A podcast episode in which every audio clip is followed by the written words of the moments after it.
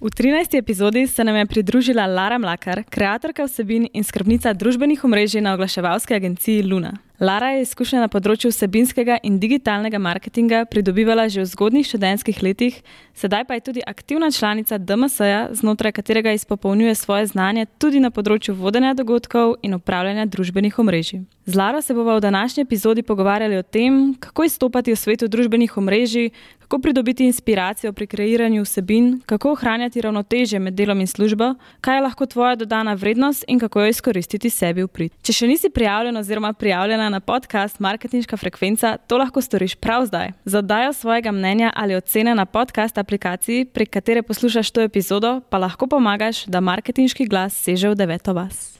Še enkrat bi se ti rada res lepo zahvalila, da si vzela čas. Ja, hvala um, in da skupaj z nami so ustvarjali že 13. epizodo podcasta Marketinška frekvenca. Za začetek bi te pa najprej vprašala, kako je v bistvu potekala tvoja pot od začetka študija pa vse do pristanka na Luni. Taka mineštrica vsega skupaj je bila, no, če sem iskrena. Ko sem šla na faks, oziroma ko sem šla na FDV, no, to ni bila moja prva izbira, moja prva izbira je bil AgroFT in pol sem dobesedno črtala fakse, ker nisem bila zihrniti, kaj bi počela, niti kaj me zanima. In nekako prišla do tega, da maybe bo neki z mediji, s komunikologijo, in ja, pa je bil FDV, nek faks to go. Um, potem je šlo pa vse ful spontano. V prvem letniku ful nisem imela občutka niti, kaj študiram, če sem iskrena, um, niti kaj me zanima. In se mogoče fakt zdala malo na stranski tir, ali pa se mogoče to malo na robe sliši. Ne, da sem ga dala na stranski tir, rekla sem si, ok, vse energijo in vse čas, ki mi ga pač ponuja FDV, poleg študija, bom usmerila v neki, da se pač v nečem najdem, kar se mi zdi, da um, počne itek tri četrt študentov na začetku faksa. Mm -hmm. In sem šla od različnih študentskih klubov, ki jih pač tudi ti poznaš, do raznih konferenc. Probala sem sodelovati pač v vsaki stvari, ki sem jo našla. Hotela sem čim več slišati, spoznati čim več ljudi, ker je tako na faksu, ker na začetek pač ne poznaš nobenega, ne veš, kaj delaš. Um, in tako se je počasi začela razvijati. No, potem pa, da bi rekla, mogoče enkrat sredina tretjega letnika ali pa na začetku se mi je začelo odpirati pa kar par nekih stvari, ki so me pripeljale do tega pristanka na Luni, ki je bil pa mhm. pač ponovno čist spontan na sredini. Tri, četrtega letnika. O, ko gre hiter čas, pač zdaj, ker, je bila ta korona, vmes pač sploh se mi ne zdi, kdaj sem končala ta faks. Ne, čist prehiter. Ja, čist prehiter, presečem. No, v glavnem, na uh, sredini četrtega letnika um, je ena kolegica, ki je takrat delala na Luni, oziroma še vedno dela, um, poslala oglas za delo, um, iskali so social media menedžerja in je bilo tako, jaz te vidim tle le noter, pač probej. Um, in jaz, ki sem prebrala ta oglas, sem bila tako, ok, that's me, to je neki zame, ampak ful ne prepričana vase, um, ker sem bila tako pač četrti letnik, nimam neke, nekih pravih izkušenj za delo v agenciji. Um, Ampak sem rekla, ok, let's go with the flow. Sem se mhm. prijavila in na moje največje presenečenje v življenju pač dobila to službo in od takrat. Mislim, da čez točno malo manj kot 20 dni bom praznovala eno leto na Luni. wow, kako dobro je, noro, čist noro. Aktivna si bila ful, torej že v zgodnih študentskih letih in sodelovala si pri številnih projektih. Um, kako se je pa v tem času v bistvu razvijala tvoja strast do družbenih omrežij? Ja, tako kot sem prej rekla, ful sem sodelovala v nekih projektih, um, hotela sem spoznati čim več ljudi in odkriti čim več tem, ker iskreno res nisem vedela, kaj je tista stvar, ki bi jo pa jaz počela v življenju. Vedela sem samo, da me ful stvari zanima. Pa če mm -hmm. sem oseba, ki, se, ki bi delala tisoč in eno stvar in niti ne vem, kdaj se je, kdaj se je razvila ta strast do družbenih omrežij. Tako ful spontano je prišel. Um, delala sem in organizacijo dogodkov um, in sodelovala v raznih sponzorstvih na tečajih, IPD, ITD in iskala to. In po mojem, prek različnih teh študentskih projektov, mm. um, kjer si po mojem tudi sodelovala, prišla do tega, da je social ena taka stvar, v kateri se najdejo te moje strasti mm -hmm. in želje delati tisoč in eno stvar hkrati. Um, tako da ne bi znala reči čist določenega trenutka, um, ampak ja, ful spontano, pa ful s časom. In pol enkrat, ko sem padla v to noter, sem lahko, ok. Ja, ja, ja pač čuti, čutiš ta feeling, da je to verjetno nekaj, mm -hmm. v čemer ti uživaš, tudi če to delaš pač vsak dan, dan na dan in si obkrožen pač s temi mm -hmm. informacijami. Predvsem je bilo pa to, no, da je bila to prva tema, o kateri kjer sem izjemno rada brala, ful me je zanimalo tem, prej me je vsaka stvar tako pomal zanimala, polk je pa prišel ta trenutek, če lahko temu tako rečem, me, sem pa res posvetila pač vso to energijo temu in sem lahko, ok, ja, to je to. Ej, ful dobro, noro. Um, torej, v bistvu, pol so bili vsi ti projekti, organizacije, vse to, kar si delala, v bistvu za ston, nekako tvoja izhodiščna točka za Luno. Ja, mislim, definitivno. Um, jaz si ne znam predstavljati, sploh, kako bi prišla na Luno, um, brez vsega tega ozadja, ki ga imam. Uh mhm. -huh. Tudi spoznala, v bistvu, kaj te zanima dejansko. Ne? Točno tako, pač spoznala, kaj me zanima, pa spoznala ljudi, ki so mi lahko dali ta znanja, ki jih zdaj lahko uporabljam, za kar sem pač neizmerno hvaležna.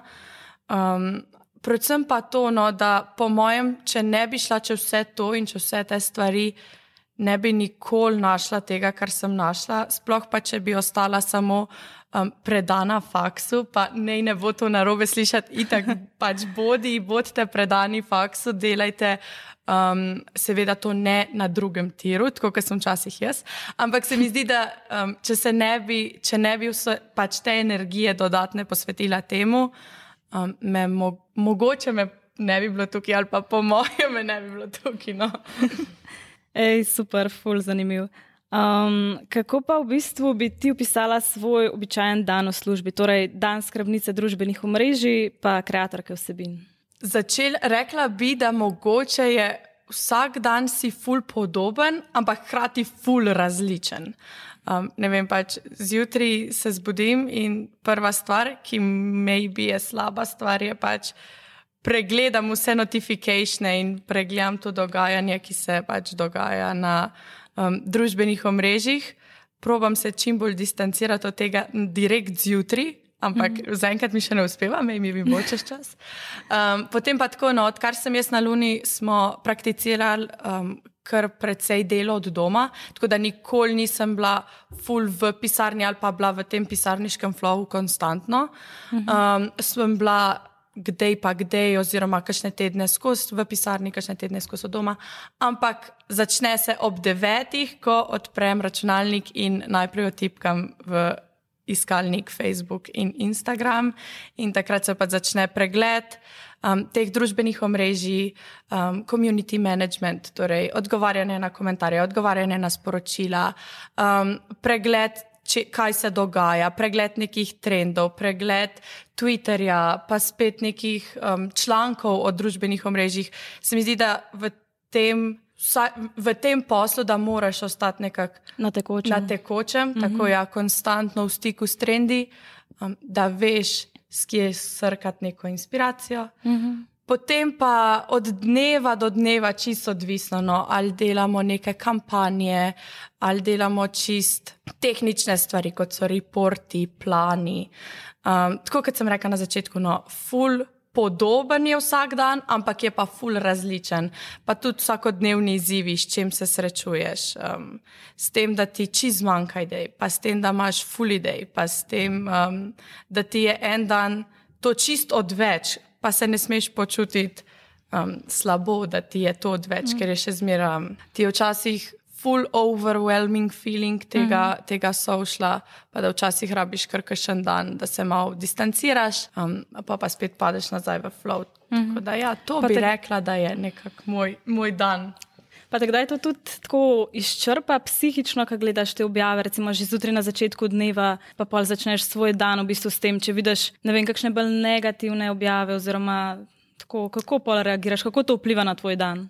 Ja, ful, dobro vprašanje. Drugače, um, ful pliva na tvojo psiho, oziroma ta konstantnost, oziroma ta konstantno obdana obda, konstantno si obdan z nekimi informacijami, ki te enostavno bombardirajo. Pa pa še tako se mi zdi, mogoče nek um, laik ali pa recimo oseba, ki je pač izključno samo prisotna na družbenih omrežjih, tega niti ne opaža s temi očmi, kot mm -hmm. na mhm. social gledam jaz. Pač jaz konstantno v socialu iščem neke ideje, pa kaj se dogaja, pa kaj lahko povzamem iz tega, pa zakaj je to tako, pa zakaj ni mm -hmm. neki mhm. drugače. Um, je pa tudi resno, da ko si navajen tega flowa, skrolanja in iskanja tega, zmeri bolj si tukaj noter, mm -hmm. zmeri daljši je tvoj pač time. Jaz se včasih kar ustrašim, pač ko pogledam na telefonu, koliko časa sem na social in sem, sem tako.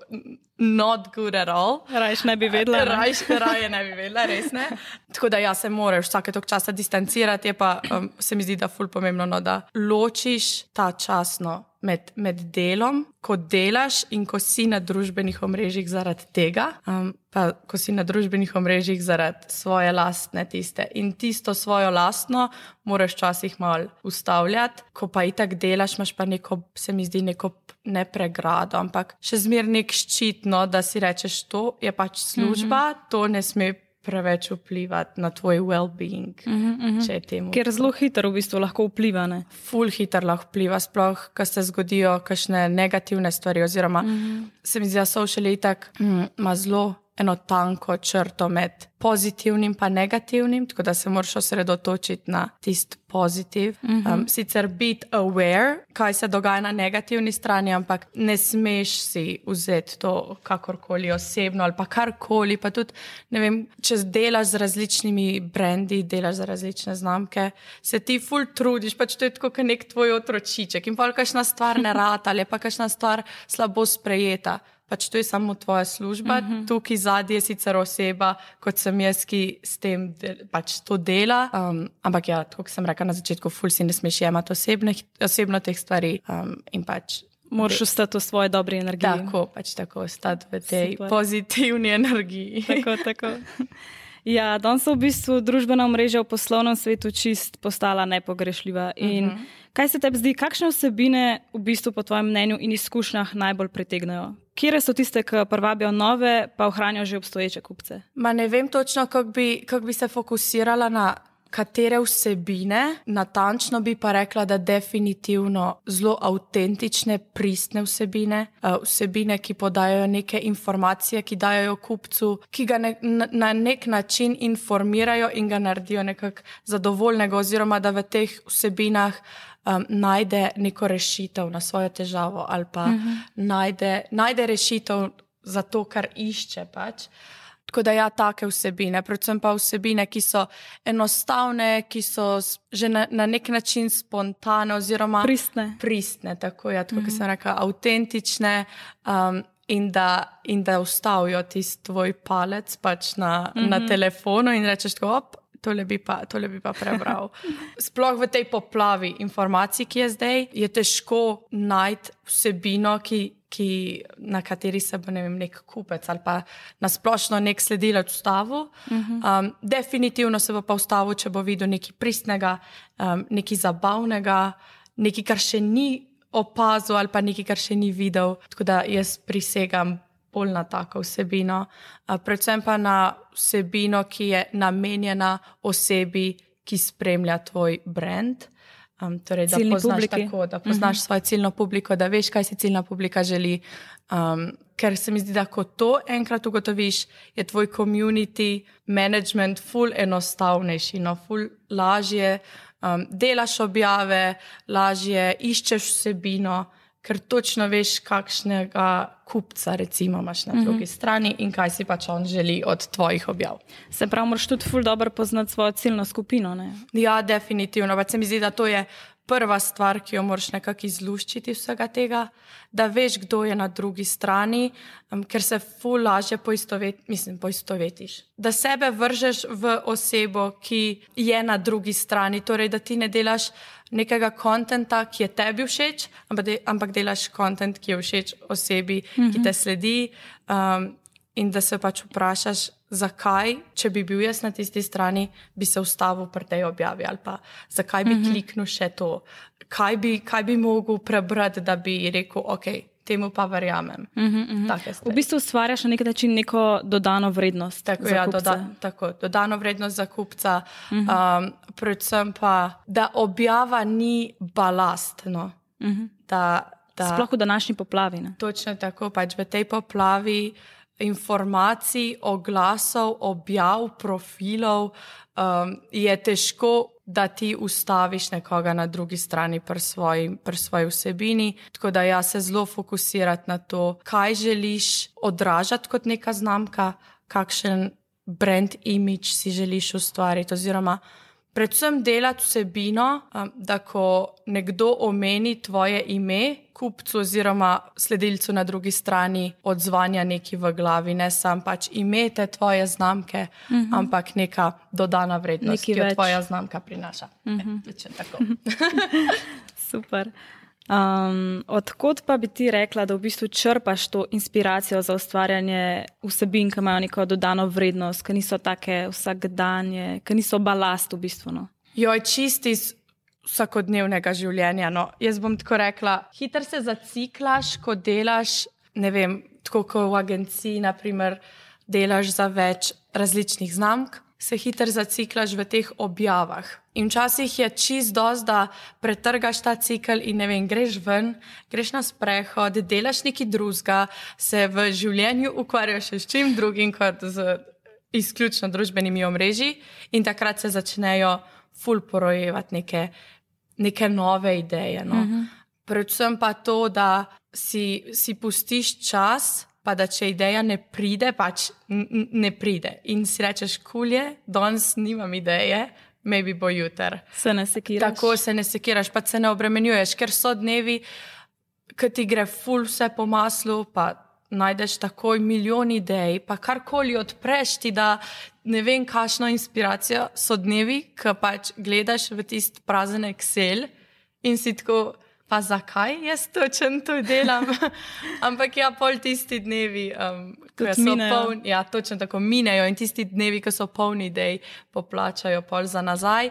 Predvsem pa se mi zdi, da um, ta social je tako en konstanten tok razmišljanja. Pač mogoče ni aktivno razmišljanje, ampak nekje v ozadju. Pa skozi razmišljaš, ali pa ne vem, scrollaš po Instagramu, scrollaš po TikToku, um, pa nabiraš nekje v ozadju ideje. In pač ta čas scrollanja, maybe, maybe je ta čas, pač ko scrollaš, se ti zdi do, totalno brezvezen, um, pa da totalno mečeš čas v stran, ampak v resnici ga ne, ker je skozi tak flow v ozadju. Mm -hmm. Skozi brainstorming, Skozi ne. nekak brainstormaš. No, V bistvu si skozi produktiven, tako čez cel dan. Ja, si skozi produktiven, ja, um, ampak je pa res ful pomembno, da, da so tisti, ča, tisti trenutki, no, ko pa nisi produktiven, ali pa bom rekel, ko si vzameš res čas zase, ali pa ne vem, pač čas od službe, da ni konstantno ta. Um, Ta tok misli, kaj ne delam. Takrat se meni iskreno zdi, da se porodi največ idej.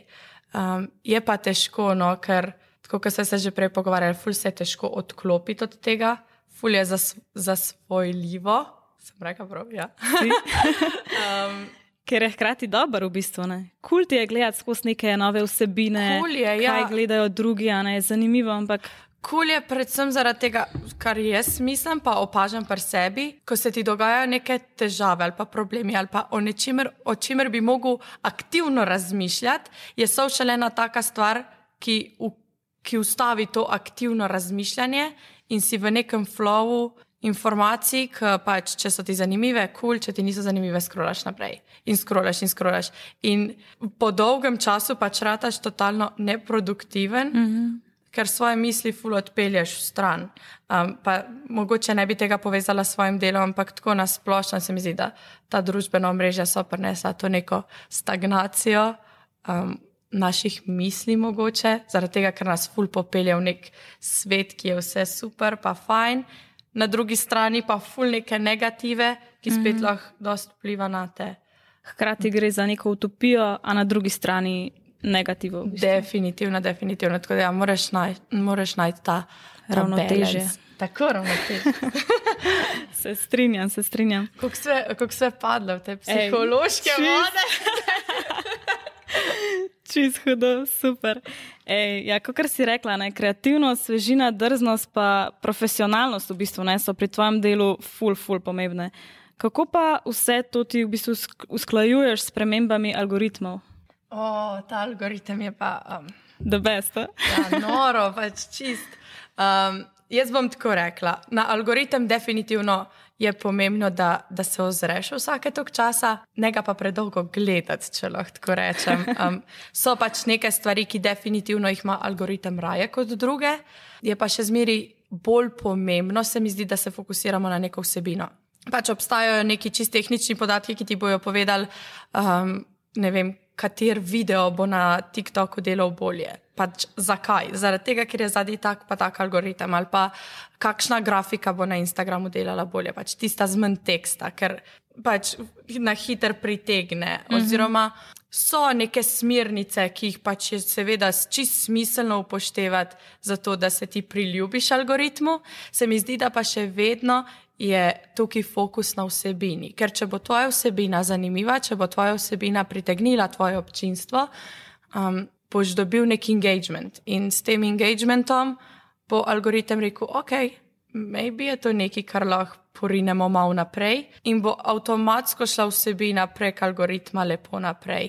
Tako da se mi zdi, da ja, je tukaj fokus na avtentični, pristni, zanimivi vsebini, algoritem je pa tukaj zato, da nas vsake tok časa malo heca, pa malo opominja, kako in kaj in zakaj tako. Ej, super si to povedala. Kot smo se pa že prej pogovarjali v bistvu o tej pozitivni energiji. Ne? To je v bistvu pravi, eden izmed pomembnejših dejavnikov, ne samo na tvojem področju, ampak uh -huh. tudi mhm. tako na vseh področjih, je zagotovo velika mera pozitivne energije. In kako zelo pomembna je pa pri tvojem delu, oziroma lahko vpliva na komunikacijo v poslovnem svetu. Um, oh, v, v poslovnem svetu, zelo se počutim kot neka poslovna ženska. Um, Maybe bi rekel tako, za poslovno komunikacijo um, bi bilo po moje potrebno to pa vprašati, kakšnega bolj, poslov, kakšen bolj posloven tip osebe kot sem jaz. Bi pa rekel, pa če jaz ful prisegam na energijo, ful prisegam na neke pozitivne vibe. Se mi zdi, da prvo, ko prvo ti lažje deluješ če si usmerjen nekako v to pozitivno smer. Poleg tega ljudi, ljudje zraven tebe lažje deluj, delujejo in delajo um, in se imajo fajn. Tako da ja, definitivno nek ta work mode oziroma nasplošno nek mood, ki ga ti prinašaš, je ful pomemben. Meni se tudi zdi, da jaz brez te svoje, ne morem zdaj temu reči svoje pozitive, ampak brez te neke dodatne energije in te naravnanosti k pozitivnemu, ne bi prišla do tega, kjer sem danes. Um, ker če bi gledala na stvari, ki mi ne gredo, bi se ful fokusirala na stvari, ki mi pač ne grejo. Na negativo, v bistvu na, na negativ, pozitivno. Tako. In se mi zdi, da se ti nekako pol to vrača. Uh mhm. -huh. Če se pa ti fokusiraš na to, da ok ne vem, če dam primer, jaz na začetku faksa. Pojma nimam, kaj bom delala v življenju, pojma nimam, zakaj sem na tem faksu, sploh ne vem, zakaj sem šla to študirati, pač kira beda mi je v lifeu. Um, po mojem bi ostala na tem mindsetu, hodila na faks zato, da ga naredim, pač da diplomiram in to je to. Um, pač, pa sem si rekla, da iz vsake slabe situacije lahko potegnem nekaj pozitivnega ali pa vsaj to. nekaj dobrega. Uh mhm. Um, in si rekla, kul, cool, pač delala bom faks, ampak bom zraven delala še stvari in poskusila, poskusila najti nekaj, kar me zanima. Tako da, ja, po mojem, ta pozitiven mindset, če ga ne bi bilo na začetku, spet, kot sem prej rekla, ne bi bila tukaj, kjer sem zdaj. No. Pa definitivno, kot si pač vprašala, pa glede poslovnega sveta. Um, na splošno je fulažje delati v nekem okolju, kjer se ti dobro počutiš, kjer se malo po, pokonektaš z energijo, um, lažje je delati. Sicer je to delo od doma zdaj tudi malo vplivalo na to energijo, Vse tako bom jaz rekla, mhm. um, ker je težko. Vibati s človekom prek zuma. ja, itek. Um, Liza, to je bil tako večji izziv, v bistvu. To, ja, definitivno. Ampak se mi zdi, da se hitro uh, čuti ta energija no, v kolektivu če zdaj malo svojo, svojo luno pohvalim, pa če se v svojem kolektivu super počutim, um, se mi zdi, da smo ljudje s podobnimi željami, s podobno energijo, ki se pač enostavno lepo poveže in se pol tudi veliko lažje dela, predvsem pa več dela in bolj kvalitetno dela. Mm -hmm. Ej, hudo. Kaj pa, kaj pa v bistvu narediš takrat, ko okay, veš, da pač te pozitivna energija usmerja, mm -hmm. da moraš biti skozi pač v tej visoki vibraciji. Ampak kaj pa takrat, ko ne vem, je kakšen deževen dan ali pa sam tako se ne moreš spraviti v boljšo energijo. Kaj greš takrat narediti? Um, jaz si pustim, da je tako, kot je. je um, se mi zdi, da sem čez čas ugotovila, da včasih pač tudi rabimo kakšen tak dan, ki si mm -hmm. na lov, ki se ti ne da niti polnilca preklopiti. Predvsem pa jaz na dneve, ko sem slabše, se poskušam odmakniti od telefona. Um, mogoče sem to v zadnjem letu ugotovila, odkar delam to, kar delam, oziroma delam bolj aktivno to, kar sem delala že prej. Um, je to, da sem se jaz v trenutkih, ko si pač na lov, ko si malo slabše volje, um, zatekaš v stvari, ki ti dajo nek hiter booster, dvig energije. Dvig energije.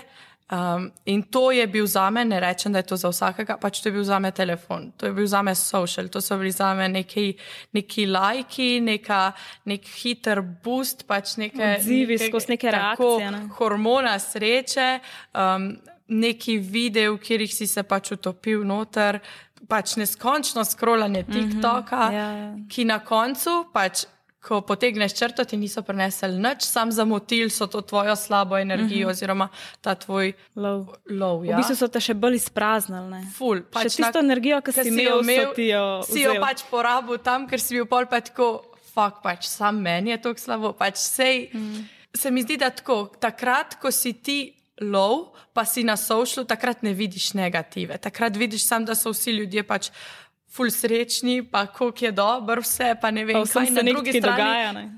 Tebi se pa taka krivica dogaja, pač kar neki. Ampak ja, jaz sem se res um, v enem trenutku, no pa moram reči, to so tudi ljudje okoli mene, ki so me ful spodbujali k temu, ugotovila, da je trenutek, ko sem jaz slabe volje ali pa ko sem jaz brez energije, trenutek, ko se moram odklopiti od um, social medije, od družbenih omrežij na splošno in imeti dan ali pa pač eno popoldne ali pa en večer brez telefona. Um, to se mi sicer prej fulni dogaja, ali pa, pa spet v času te karantene, v času, ko smo bili vsi skozi preklopljeni na telefonih, ker pač drugače nisi mogel komunicirati, ja, se mi je ja. začelo to pa sam še bolj in bolj in bolj dogajati. Um, tako da jaz zdaj je, pa res dajem pomen trenutkom, ko sem odklopljena od družbenih omrežij, ko si res z ljudmi, s katerimi pa želiš biti, da, da se takrat poskušam fokusirati na to in mm -hmm. ne mhm. razmišljati o social mediji, ker se mi zdi, da tako. Mogoče jaz, pa ne to vsak, ki to dela, ampak hiter te potegne no, v, ta, v ta tok, da moraš biti skozi prisoten. In da, da se prim... skozi nekaj dogaja, mm. da skozi nekaj zamujaš, In pol, ko se ti začne to dogajati, pač ti res konstantno spremljaš. Um, tako da jaz si daš ti zbrek, pač mm -hmm. noč ne boš zamudil, ne rešuješ življenj. Kul je, pač, če za vikend odložiš telefon in tam zvonijo notifikacije, in tebe pač ni, noč ne bo umrl, noben brand ne bo crknil zaradi tega, ker dva dni neki ne boš naredil. Tako da ja, take stvari. Mm -hmm. um, pa res se truditi no, vsak dan nekako komponirati te stvari. Pač jesti kosilo brez telefona. Ne vem, pač delati nekaj brez tega, da te skozi nekaj opozarja mm. zadnji. V bistvu biti prisoten v tistem trenutku, ki si. In takrat, ko delaš za službo, delaš za službo, takrat Tako. pa naj pa. Pač Točno to. Pač jaz, sem, jaz iskreno sem imela ful težave s tem, jih imam še vedno, priznam. Um, jih imamo vsi, po moje. Pač na začetku, ne, kulje. Na začetku je tako želiš, pač, da, si, da si čim bolj noter, da, da slučajno kaj ne spregledaš ali pa da, da te kaj. Da, da te kaj ne uide. In pol te to tako hitro posrka noter, da, da se pač prvo, ko prvo se sploh ne zavedaš, kdaj si noter. Oziroma, jaz sem se začela zavedati, ko so me ljudje začeli opozarjati, pač konstantno si na telefonu, čil, umir se, pač da je telefon v stran. Tako da ja, čez, čez, čez čas no, se sam začneš zavedati, kaj je za te kul, cool, kaj za te ni kul. Cool. Um, ja, jaz v zadnjem letu sem odkrila to, um, da me zelo hitro neki not potegne, ampak pol se rabim pa tudi sama na nek način prisiliti, da grem stran od tega, ker drugače je to en tak. Te posrka not. Ja, posrkate noter in pa si ena taka mineštrica čudnih čustev, nikoli niti dobre volje, pa nikoli niti slabe, ampak tako čuden je. No? Um, tako da ja, definitivno work balance, um, ga moram še poštimati, ga bom, se trudim, delam na tem, ampak ja, ful, ful, ful, pomembno. Um, zaradi tega, ker pač pol se začnejo dogajati stvari, da se zjutraj zbudiš in si že kar brez energije, pač ne moreš. Mm -hmm. Take stvari. Da, mm, ja. V bistvu moramo sami sebi neke meje postaviti. Ne? Definitivno. Um, pa fulje, se mi zdi, da fulje težko, sploh v tem obdobju, ko smo skozi raven računalnikov, telefon je skozi s tabo. Pač težko ja, si je narisati isto mejo, pa reči, zdaj je pa dost, ampak če se sam ne boš ustavil, te itak noben mm -hmm. drug ne bo. Ja. Kako smo zabredli spet? Ej, ampak nam gre ful dobro, mislim. No. Um, ja, ej, Kako pa v bistvu imaš ti za naše poslušalce, kakšen nasvet, kako izboljšati svoj nastop na družbenih omrežjih? Naprimer, kako upozoriti na se, kako izpostaviti svojo dodano vrednost in jo izkoristiti sebi v prid? Mm. Jaz bi rekla, da biti čim bolj, čim bolj pristen, čim bolj avtentičen um, in delati v stiku z znamko, za katero stojiš. No, tako kot smo že prej omenili, uh mhm. -huh. res graditi na tem brand imidžu um, in delati vsebino, ki bo pač sledilcem in nekmu komunitiju dala vedeti, kdo si, oziroma da zgradiš tisto, kar želiš, da je tvoja znamka in pač delati na tem. Lahko še enkrat ponoviš vprašanje, ne vem točno, kaj si me nazval. V bistvu, kako ne pozabim, na kje ja, govoriti. kako upozoriti nas, izpostaviti svojo dodano vrednost in jo izkoristiti sebi v prid. Ja, ok, pa, pa sem odgovorila, se mi zdi, predvsem to no, s pristnostjo, um, pa ne z nekim balastom, ampak z realnimi informacijami. Pa tako, no, social ni nek tek na kratke proge, je tek na dolge proge. Um, delati na tem, tudi če kaj flopne, pa kaj ne gre. Se ne zasekirati, ampak iti naprej, tako, iskati nove vsebine. Iskati nove, nove vsebine, iskati nove ideje, poskusiti tisto, poskusiti drugo, delati spet neki, um, predvsem pa ne se batno. Preizkusiti nekaj ali pa pač s nečim eksperimentirati. Včasih ki uspe, včasih ki ne uspe, pač se tako je povsod, tukaj je tudi tako. Um, tako da, ja, predvsem pa se mi zdi, da je ta iskrenost, ki jo ima lahko nek, um, nek brand na sošlu, to, kar privla, privlači ljudi. Pa seveda um, dovoljšna do, doza humorja. Um, ne, tako no bom rekla, ne preveč. Da ne jemliš nečesa preveč resno. No. Uh -huh, uh -huh. Um, še zmeraj je social nekaj, kar bi lahko bil zabaven, seveda tudi informativno, ampak na začetku je bila to ena sama zabava, ki smo jo ljudje pač spremenili v to, kar je zdaj, in s tem ni čist nič narobe. Um, ampak ja, don't take it too seriously, pač tako bom rekla. Ej, kako pa postati influencer na. na družbenih omrežjih. Right to the point. um, ne, res, kako si pridobiš to lajko, pa tako followerje, pa tako postaneš popularen? Kaj delaš? Kaj joj, to, bi, to bi bilo po mojem drugače vprašanje za kakšnega resnega influencerja. um, drugače pa jaz bi rekla, biti to, kar si.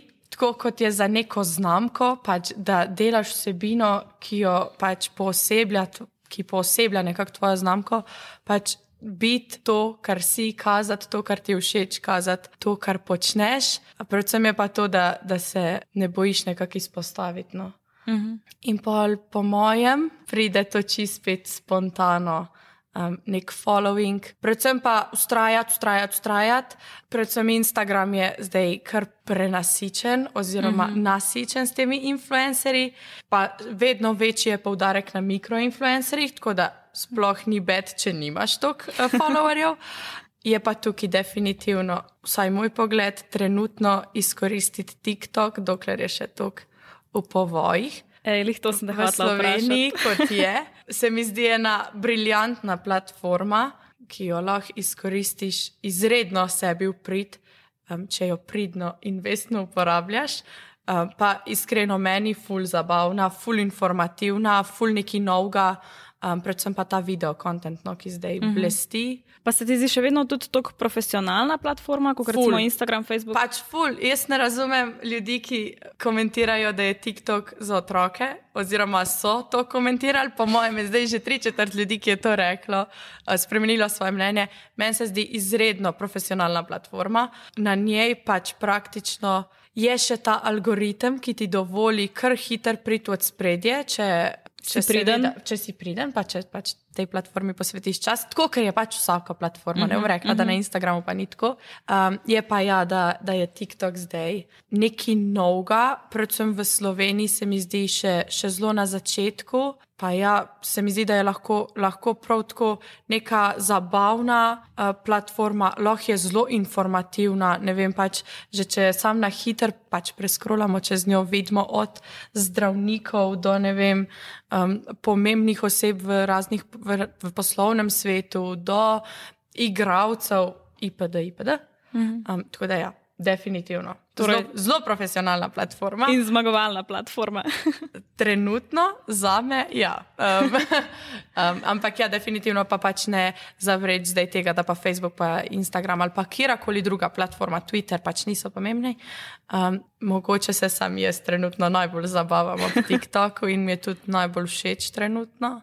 Kaj pa misliš v prihodnosti, bo tudi TikTok se kar ohranil? Ali... Jaz iskreno mislim, da ja. Na začetku so ga ful. Um, So mu ful pripisali kratek rok trajanja, pa mogoče, mogoče tudi jaz, um, ampak sem hitro ugotovila, da, da po moje ne bo tako. Pa tudi na začetku sem mislila, da TikTok ful bolj napada Instagram, mm -hmm. se mi zdi, da zdaj dosti bolj napada YouTube. Um, ja, pač sploh s to video vsebino, vedno daljši videi so gor, vedno več vsebine je gor. Tako da definitivno ena platforma, ki je drugačna od vseh ostalih, mm -hmm. no, ki, ki deluje na drugačen način. Uh, predvsem pa s to pristnostjo, ki smo jo danes že 36krat omenili, ful prideš od spredja na TikToku, pač tako kot TikTok sam govori, pač ne delej, tik, ne delej uh, oglasov, delej TikToke. V bistvu moraš gledati druge, kako delajo, ne? da dobiš malo inspiracije, ampak ne smeš jih fejkati, ne smeš pač Biti preveč ponavljati, ne moreš še vedno ohraniti svoj, to sem pa jaz. Ne? Točno to, to biti to, kar si, kazati to, to kar rad počneš. Um, seveda pač se poslužiti kakšnega trenda, ki pride, zakaj pa ne. Absolutno. Um, to, to delamo tisti, ki nimamo časa, drugače na TikToku. Um, ampak ja, ful, ful je kvalitetna, zabavna platforma, sicer z ogromno neke negative, nažalost, um, ki je pač za nekimi personami, svojimi usernami 1, 2, 3, 7, 4, 5, ne vem kaj. Um, ampak ja, pač tako kot sem rekla že prej, se ful ne. Posveča časa temu in delati, se zabavati ob tem, ko delaš to. Uh -huh. Se mi zdi, da lahko prenese fulene, fulene pozitivno v tvoj dan. Predvsem, če se zabavaš ob tem. Zakaj pa ne? Seveda, ja. moraš sam izkoristiti. Definitivno. V bistvu vzeti tisto, kar ti nudi pozitivnega, negativno pa sam. Negativno, negativno pa um, pogledati, ampak ne, ne si vzeti, ne si vzeti srcu. preveč k srcu. Jaz bi rekla, da na, na začetku je itak pomembno, da imaš nek flow, čim več objav, sam zaradi tega, da prideš od spredja, da, da si pred ljudmi, da si viden, ker enostavno najlažje boš ostal viden tako, da boš čim več postal. Je pa tako, da še vedno, pa naprimer, mogoče na Instagramu vidimo, da so osebe, ki pač postajo trikrat na mesec, pa imajo engagement rate boljši, kot vsi, ki postajo trikrat na dan ali pa ne vem, trikrat na teden. Um, ampak to pač pride s časom, ko si mo mogoče ti že narediš nek following. No? Um, na začetku pa je ja, itak, čim več, več si prisoten, bolj ta algoritem meče naprej. Oh, ta algoritem. Um, bolj, bolj si v spredju, več ljudi te opazi. Um, tako da, ja, definitivno na začetku čim več, čim več objavljati, dati čim več pozornosti temu. Pa, pa nekako hraniti ta Pa, pa flow, ne. nekako hraniti, predvsem ta community, se mi zdi. No? Um, ker na začetku ta following lahko hitro poskoči, ampak se bodo ohranili ljudje, ki te radi spremljajo. Pa pa pač ugotoviti, kaj je neka ta tvoja niša, kaj ljudje radi vidijo, um, kaj, kaj jih zanima in ohranjati pač ta nek konstanten, konstanten tok. Jaz bi se rekla, da se pa moje splača potruditi. Uh, predvsem, da ne postaš ne vem, na Instagram direkten, direkten TikTok video, ker ima pač TikTok video, ima TikTok logo, ki ga Instagram ne sprejema, glih najlepše. Um, se mi zdi, da je TikTok še zmer mal drugačen, je um, ful bolj pristen kot Instagram. No? Tako da se mi zdi, da na TikToku bodo delali enostavni, pristni uh, posnetki, ki pokažejo pač ta. Nek, tvoja narava. Ne, tako tvoja narava, odlično. To, to, kar si. Instagram je, po mojem, še zmeraj malo zavid v to, v to lepoto življenja, v to estetiko. Utopijo. Ja, mogoče celo tako. Um, gre vedno bolj v smeri TikToka, ker ga, po mojem, tudi, tudi malo sil v to smer. Um, ampak če bi, se, če bi jaz zdaj mogla začeti neko svojo pot, bi se fokusirala na eno platformo. In to je, naprimer, če bi rekla TikTok, bi se fokusirala na TikTok, ker avtomatsko se bo potegnil s sabo tudi Instagram. Um, ampak bi se pa, ful bi se bolj na začetku fokusirala na eno platformo, pa pol, če vidiš, ok, maybe mi uspe neki nek del followinga prestaviti na drugo platformo, pa pač mm -hmm. začeti tam, um, definitivno pa ne hkrati pa jaz ne bi delala isto za eno in za drugo. Ker mogoče imaš ti na TikToku čist druge followerje. Ne, ne, ne mogoče sicer, ampak mogoče ljudi na TikToku zanima nek drug aspekt, kot zanima ljudi na Instagramu. Mhm. Tako v bistvu lahko tudi širšo ciljno publiko dobiš. Ne? Ja, ja, ja, definitivno. Na Instagramu dobiš eno, na TikToku druge. Mm, se pravi, no, pač publika se bo sicer hitro zmešala, ker verjetno bojo ljudje z TikToka prišli na tvoj Instagram ali obratno. Um, ampak mogoče bodo pa ljudi na Instagramu zanimale drugačne vsebine, kot zanimajo ljudi na TikToku, um, oziroma drugačen, ja, drugačen kontent na nek način. No. Um, ampak to je tako vidiš čez čas, ko ustvarjaš. Um, mm -hmm. In pol mal prilagajaš. In pol prilagajaš, seveda, prilagajaš vsebine. Um, jaz TikToka. Uh, Trenutno v sklopu dela, full mal delam, oziroma ga praktično ne, ker še nimamo um, nimamo brendov, ki so na TikToku, ga delam zase, zaradi tega, da vidim, kaj, kaj se dogaja, kaj je trend, kaj um, ljudje počnejo, kaj jih zanima. In da nahraniš um, svojo da dušo. Da nahranim svojo dušo, seveda. Um, tako da je ja, pač inspiracija povsod. Po se mi zdi, da pa najbolj v, v vsakdanjem življenju, stvari, ki se ti dogajajo v, v življenju, stvari, ki, ki, ki so ti nekaj časa ful stresne, pa so na koncu ful smešne ali pa mm -hmm. ne mhm. vem, dogodki. Ki, se mi zdi, da tako, no, bolj, bolj, je, bolj se lahko publika poistoveti s tem, bolj bo delal. No? Mm -hmm. um, tako da jaz iskreno iščem pač kontent skozi. Um, Zihar bom imela iz tega pogovora, kajšno idejo. Um, sploh, ko bom slišala tale podcast. Ja, itek. um, pa ja, dobiš ga, dobiš ga sproti, se mi zdi pa, da sploh, ko delaš to, no, dan na dan, gledaš ta social z drugimi očmi, kot ga gleda nekdo, ki pač tega ne dela.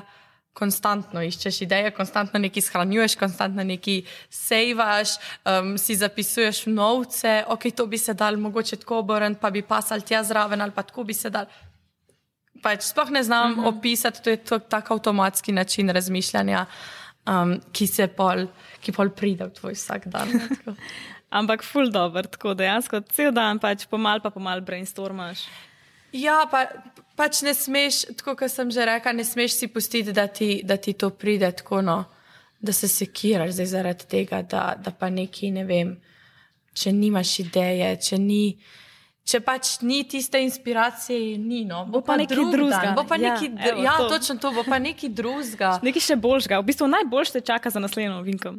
Se mi zdi, da, da je to zdaj bila res ena, ena taka prelomnica za ful ljudi, ki si je mislilo, da ne more biti pač influencer, da, da lahko ustvarja na TikToku. No. Mogoče tudi zaradi tega, ker način followinga je na TikToku no, drugač. Pač na TikToku ti ne followaš ljudi, ki jih poznaš. pač to delaš na Facebooku, ki dodaš prijatelje, pa na Instagramu, tako imaš tri četrtine tvojih prijateljev, pa ena četrtina je tisto, pač, kar te zanima. TikTok je pa se mi zdi res tisto, kar tebe zanima, to boš followal, pač ne rabiš ti followati svojih kolegov, pač če delajo čist nekaj mm -hmm. drugega. Se mi zdi, da je to ta, ja, to ta point TikToka. Tako da je v bistvu tudi bolj smiselno, da pač bolj izkoriščen čas. Ful je bolj smiselno. Pač jaz se v Instagramu zaciklam tem, ker pol začneš malo stokati ljudi, pa te stvari. Je to nekaj balasta. Ja, ne? ful, pa pač ne moreš ti followati 1750 ljudi in temu pridi do konca, pač ja, kar neki. Sej jaz konstantno tako malo obrišem te stvari, da pač ne spremljaš toliko nekega mm -hmm. brezveznega konta, ampak TikTok je pa res narejen. Ko on ugotovi, kaj te zanima, ti bo metal ven tisto, kar te zanima, kar ti rad spremljaš. Ti boš verjeten followal, um, ne vem, jaz followam ogromno ljudi, ki pač dela social medije. Pač pol je moj TikTok poln tega in kad pol padeš v ta, v ta flow, pač, ki te zanima in ni tak, mm -hmm. ti je dosti boljš kot na Instagramu gledati, kako se pač. Mm. Grdo rečeno, pač neka tvoja sošolka iz osnovne šole, s katero nimaš niti več stikov, pač poroči, se ti je zabaven to videti, ampak vreten bo to spravil te v pol ure nekega stokanja, na TikToku boš pa pač stokal kontent, ki, ki te res zanima. No? Ja, in Oziroma, boš imel nekaj od tega dejansko. Ne? Ja, probably res. No, vsaj, vsaj jaz um, probam svoj TikTok ohraniti social media oriented. to je pa res protko neka ljubezen. Pač tako rada imam to, kar delam, pa se mi zdi, da bom po mojem nekako stala v tem. Vse je fajn, da slediš trendom, ampak še zmeri pač moraš dati ti neko dušo v tem svojim objavam. Sej lahko bi pravzaprav vsi delali isti kontent, ampak se hitro loči, tudi če je ne vem, nek trend pa, ta, pa se tega trenda itak poslužu, poslužujejo vse znamke, vsi brendi. Um, ampak je hiter videti, kdo da neki več v to, ali pa res pozna svojo ciljno publiko, pa reče: Ok, oni bodo to razumeli, ampak če jim predstavim na tak, pa na tak način. Ali pa oni bodo to poštekali, ali pa jim bo všeč, če, če to naredimo malo po svoje, malo drugače. Tako da to se hitro opazi med dobrim kontentom in med slabim. Um, pa to, no, da na TikToku tega fulopažam, um, da ljudje hočejo delati oglase, ker smo pač v tej digitalni dobi oglasov, ki jih je pač poplava. Tam to ne bo šlo tako, pač, ker ne dela TikTok na ta način. Um, dela TikTok res, pač ga poganja ta vsebina ki jo delajo ljudje, pristno vsebino. Z oglasi tam ne bo šlo, mogoče čez čas, ampak zdaj pa še ne. Sploh, sploh pri nas ne. No. Pa to, da se uh, v zadnjem času ful daje manjši poudarek nekemu, neki organski rasti. Ker se še zmeri da organsko rast. Pač organski doseg je sicer res pada zaradi teh oglasov, ker je pač taka poplava plačljive vsebine, Um, ampak še zmeraj ti boš z nekim organskim dosegom pridobil tisto tvojo ciljno publiko. No? Oziroma, um, sploh te generacije, ki prihajajo, ful niso orientirane na oglase. Generacije, ki prihajajo, um, so. Želijo neko vsebino, želijo, želijo vedeti, kaj se dogaja, želijo vedeti, kakšen je ta brand image. Se mi zdi, da so predvsem bolj um, bolj izbirajo, kaj jim je všeč. Se mi zdi, da mogoče zdaj, zdaj ne, ali pa vsaj pri sebi vidim, ne vem, pač pofollowaš ful ljudi, oni pa ful bolj natančno zbirajo, kaj jim je všeč mm -hmm. in bodo pač sledili tistemu. Tako da tle z oglasi, seveda pač prideš veliko bližje, pa definitivno pač paid advertising, it's a thing, pač in bo ostal, ampak ja um, malo mi gre na živce to, no, da se ne daje več pomena organski rasti neke vsebine, profilov, znamk. Politik to kar v spredju. V bistvu. Ja, mislim, zaradi tega se mi zdi, ker je full organski, ja. full je. Um, sicer ne vem točno zdaj, kako je v tujini, kako se da tukaj zadnji že uh, prid z nekimi oglasi, vem, da v Sloveniji se dost ne da.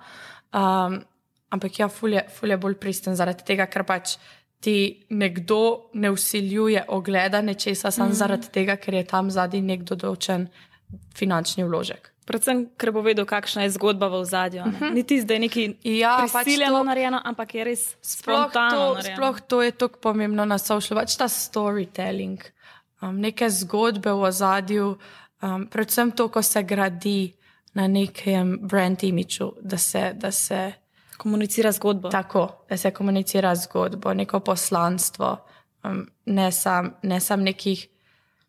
Ne, da sam šopaš neke vsebine, ki pač so, ampak ja, da, se, da je tukaj zadnji neka zgodba. Ker ljudje pač radi spremljajo zgodbe. Um, in po enem ljudje smo radovedna bitja, ki jih pač zanima, kaj je v ozadju, in če jim ne boš dal tega, kaj je v ozadju, verjetno se bojo hitro dolgo časa. No? Um, tako da, storytelling kljubca. Se bomo držali, bomo poštevali na svet. Okay. Ja, zdaj so v bistvu že kar prišle lepo do konca um, z najnimi Hitro. vprašanji. Tako da, ej, Lara, še enkrat, ful ti hvala, ful hvala, ker si si vzela čas, hvala, ker si z nami delila svoj pogled na svete in nas obogatila z znanjem o upravljanju družbenih omrežij. Wow. izbrane besede. Um, tako da, ja, verjamem, da bo ta epizoda um, ful zanimiva za naše poslušalce in pa da bodo tvoji nasveti marsikomu prišli prav. Joj, jaz tudi upam, predvsem, da, da, da se bodo, da bodo uživali vsaj pol toliko, kot sem uživala. Jaz jaz bi o tem In pač tudi jaz. social govorila, kar še in še in še. Um, ampak ja, upam, upam, da bodo tudi oni uživali v tem najnem kratkem in sladkem pogovoru. Sploh ne dvomim, da bodo. Hvala ti. Odlično, hvala tebi.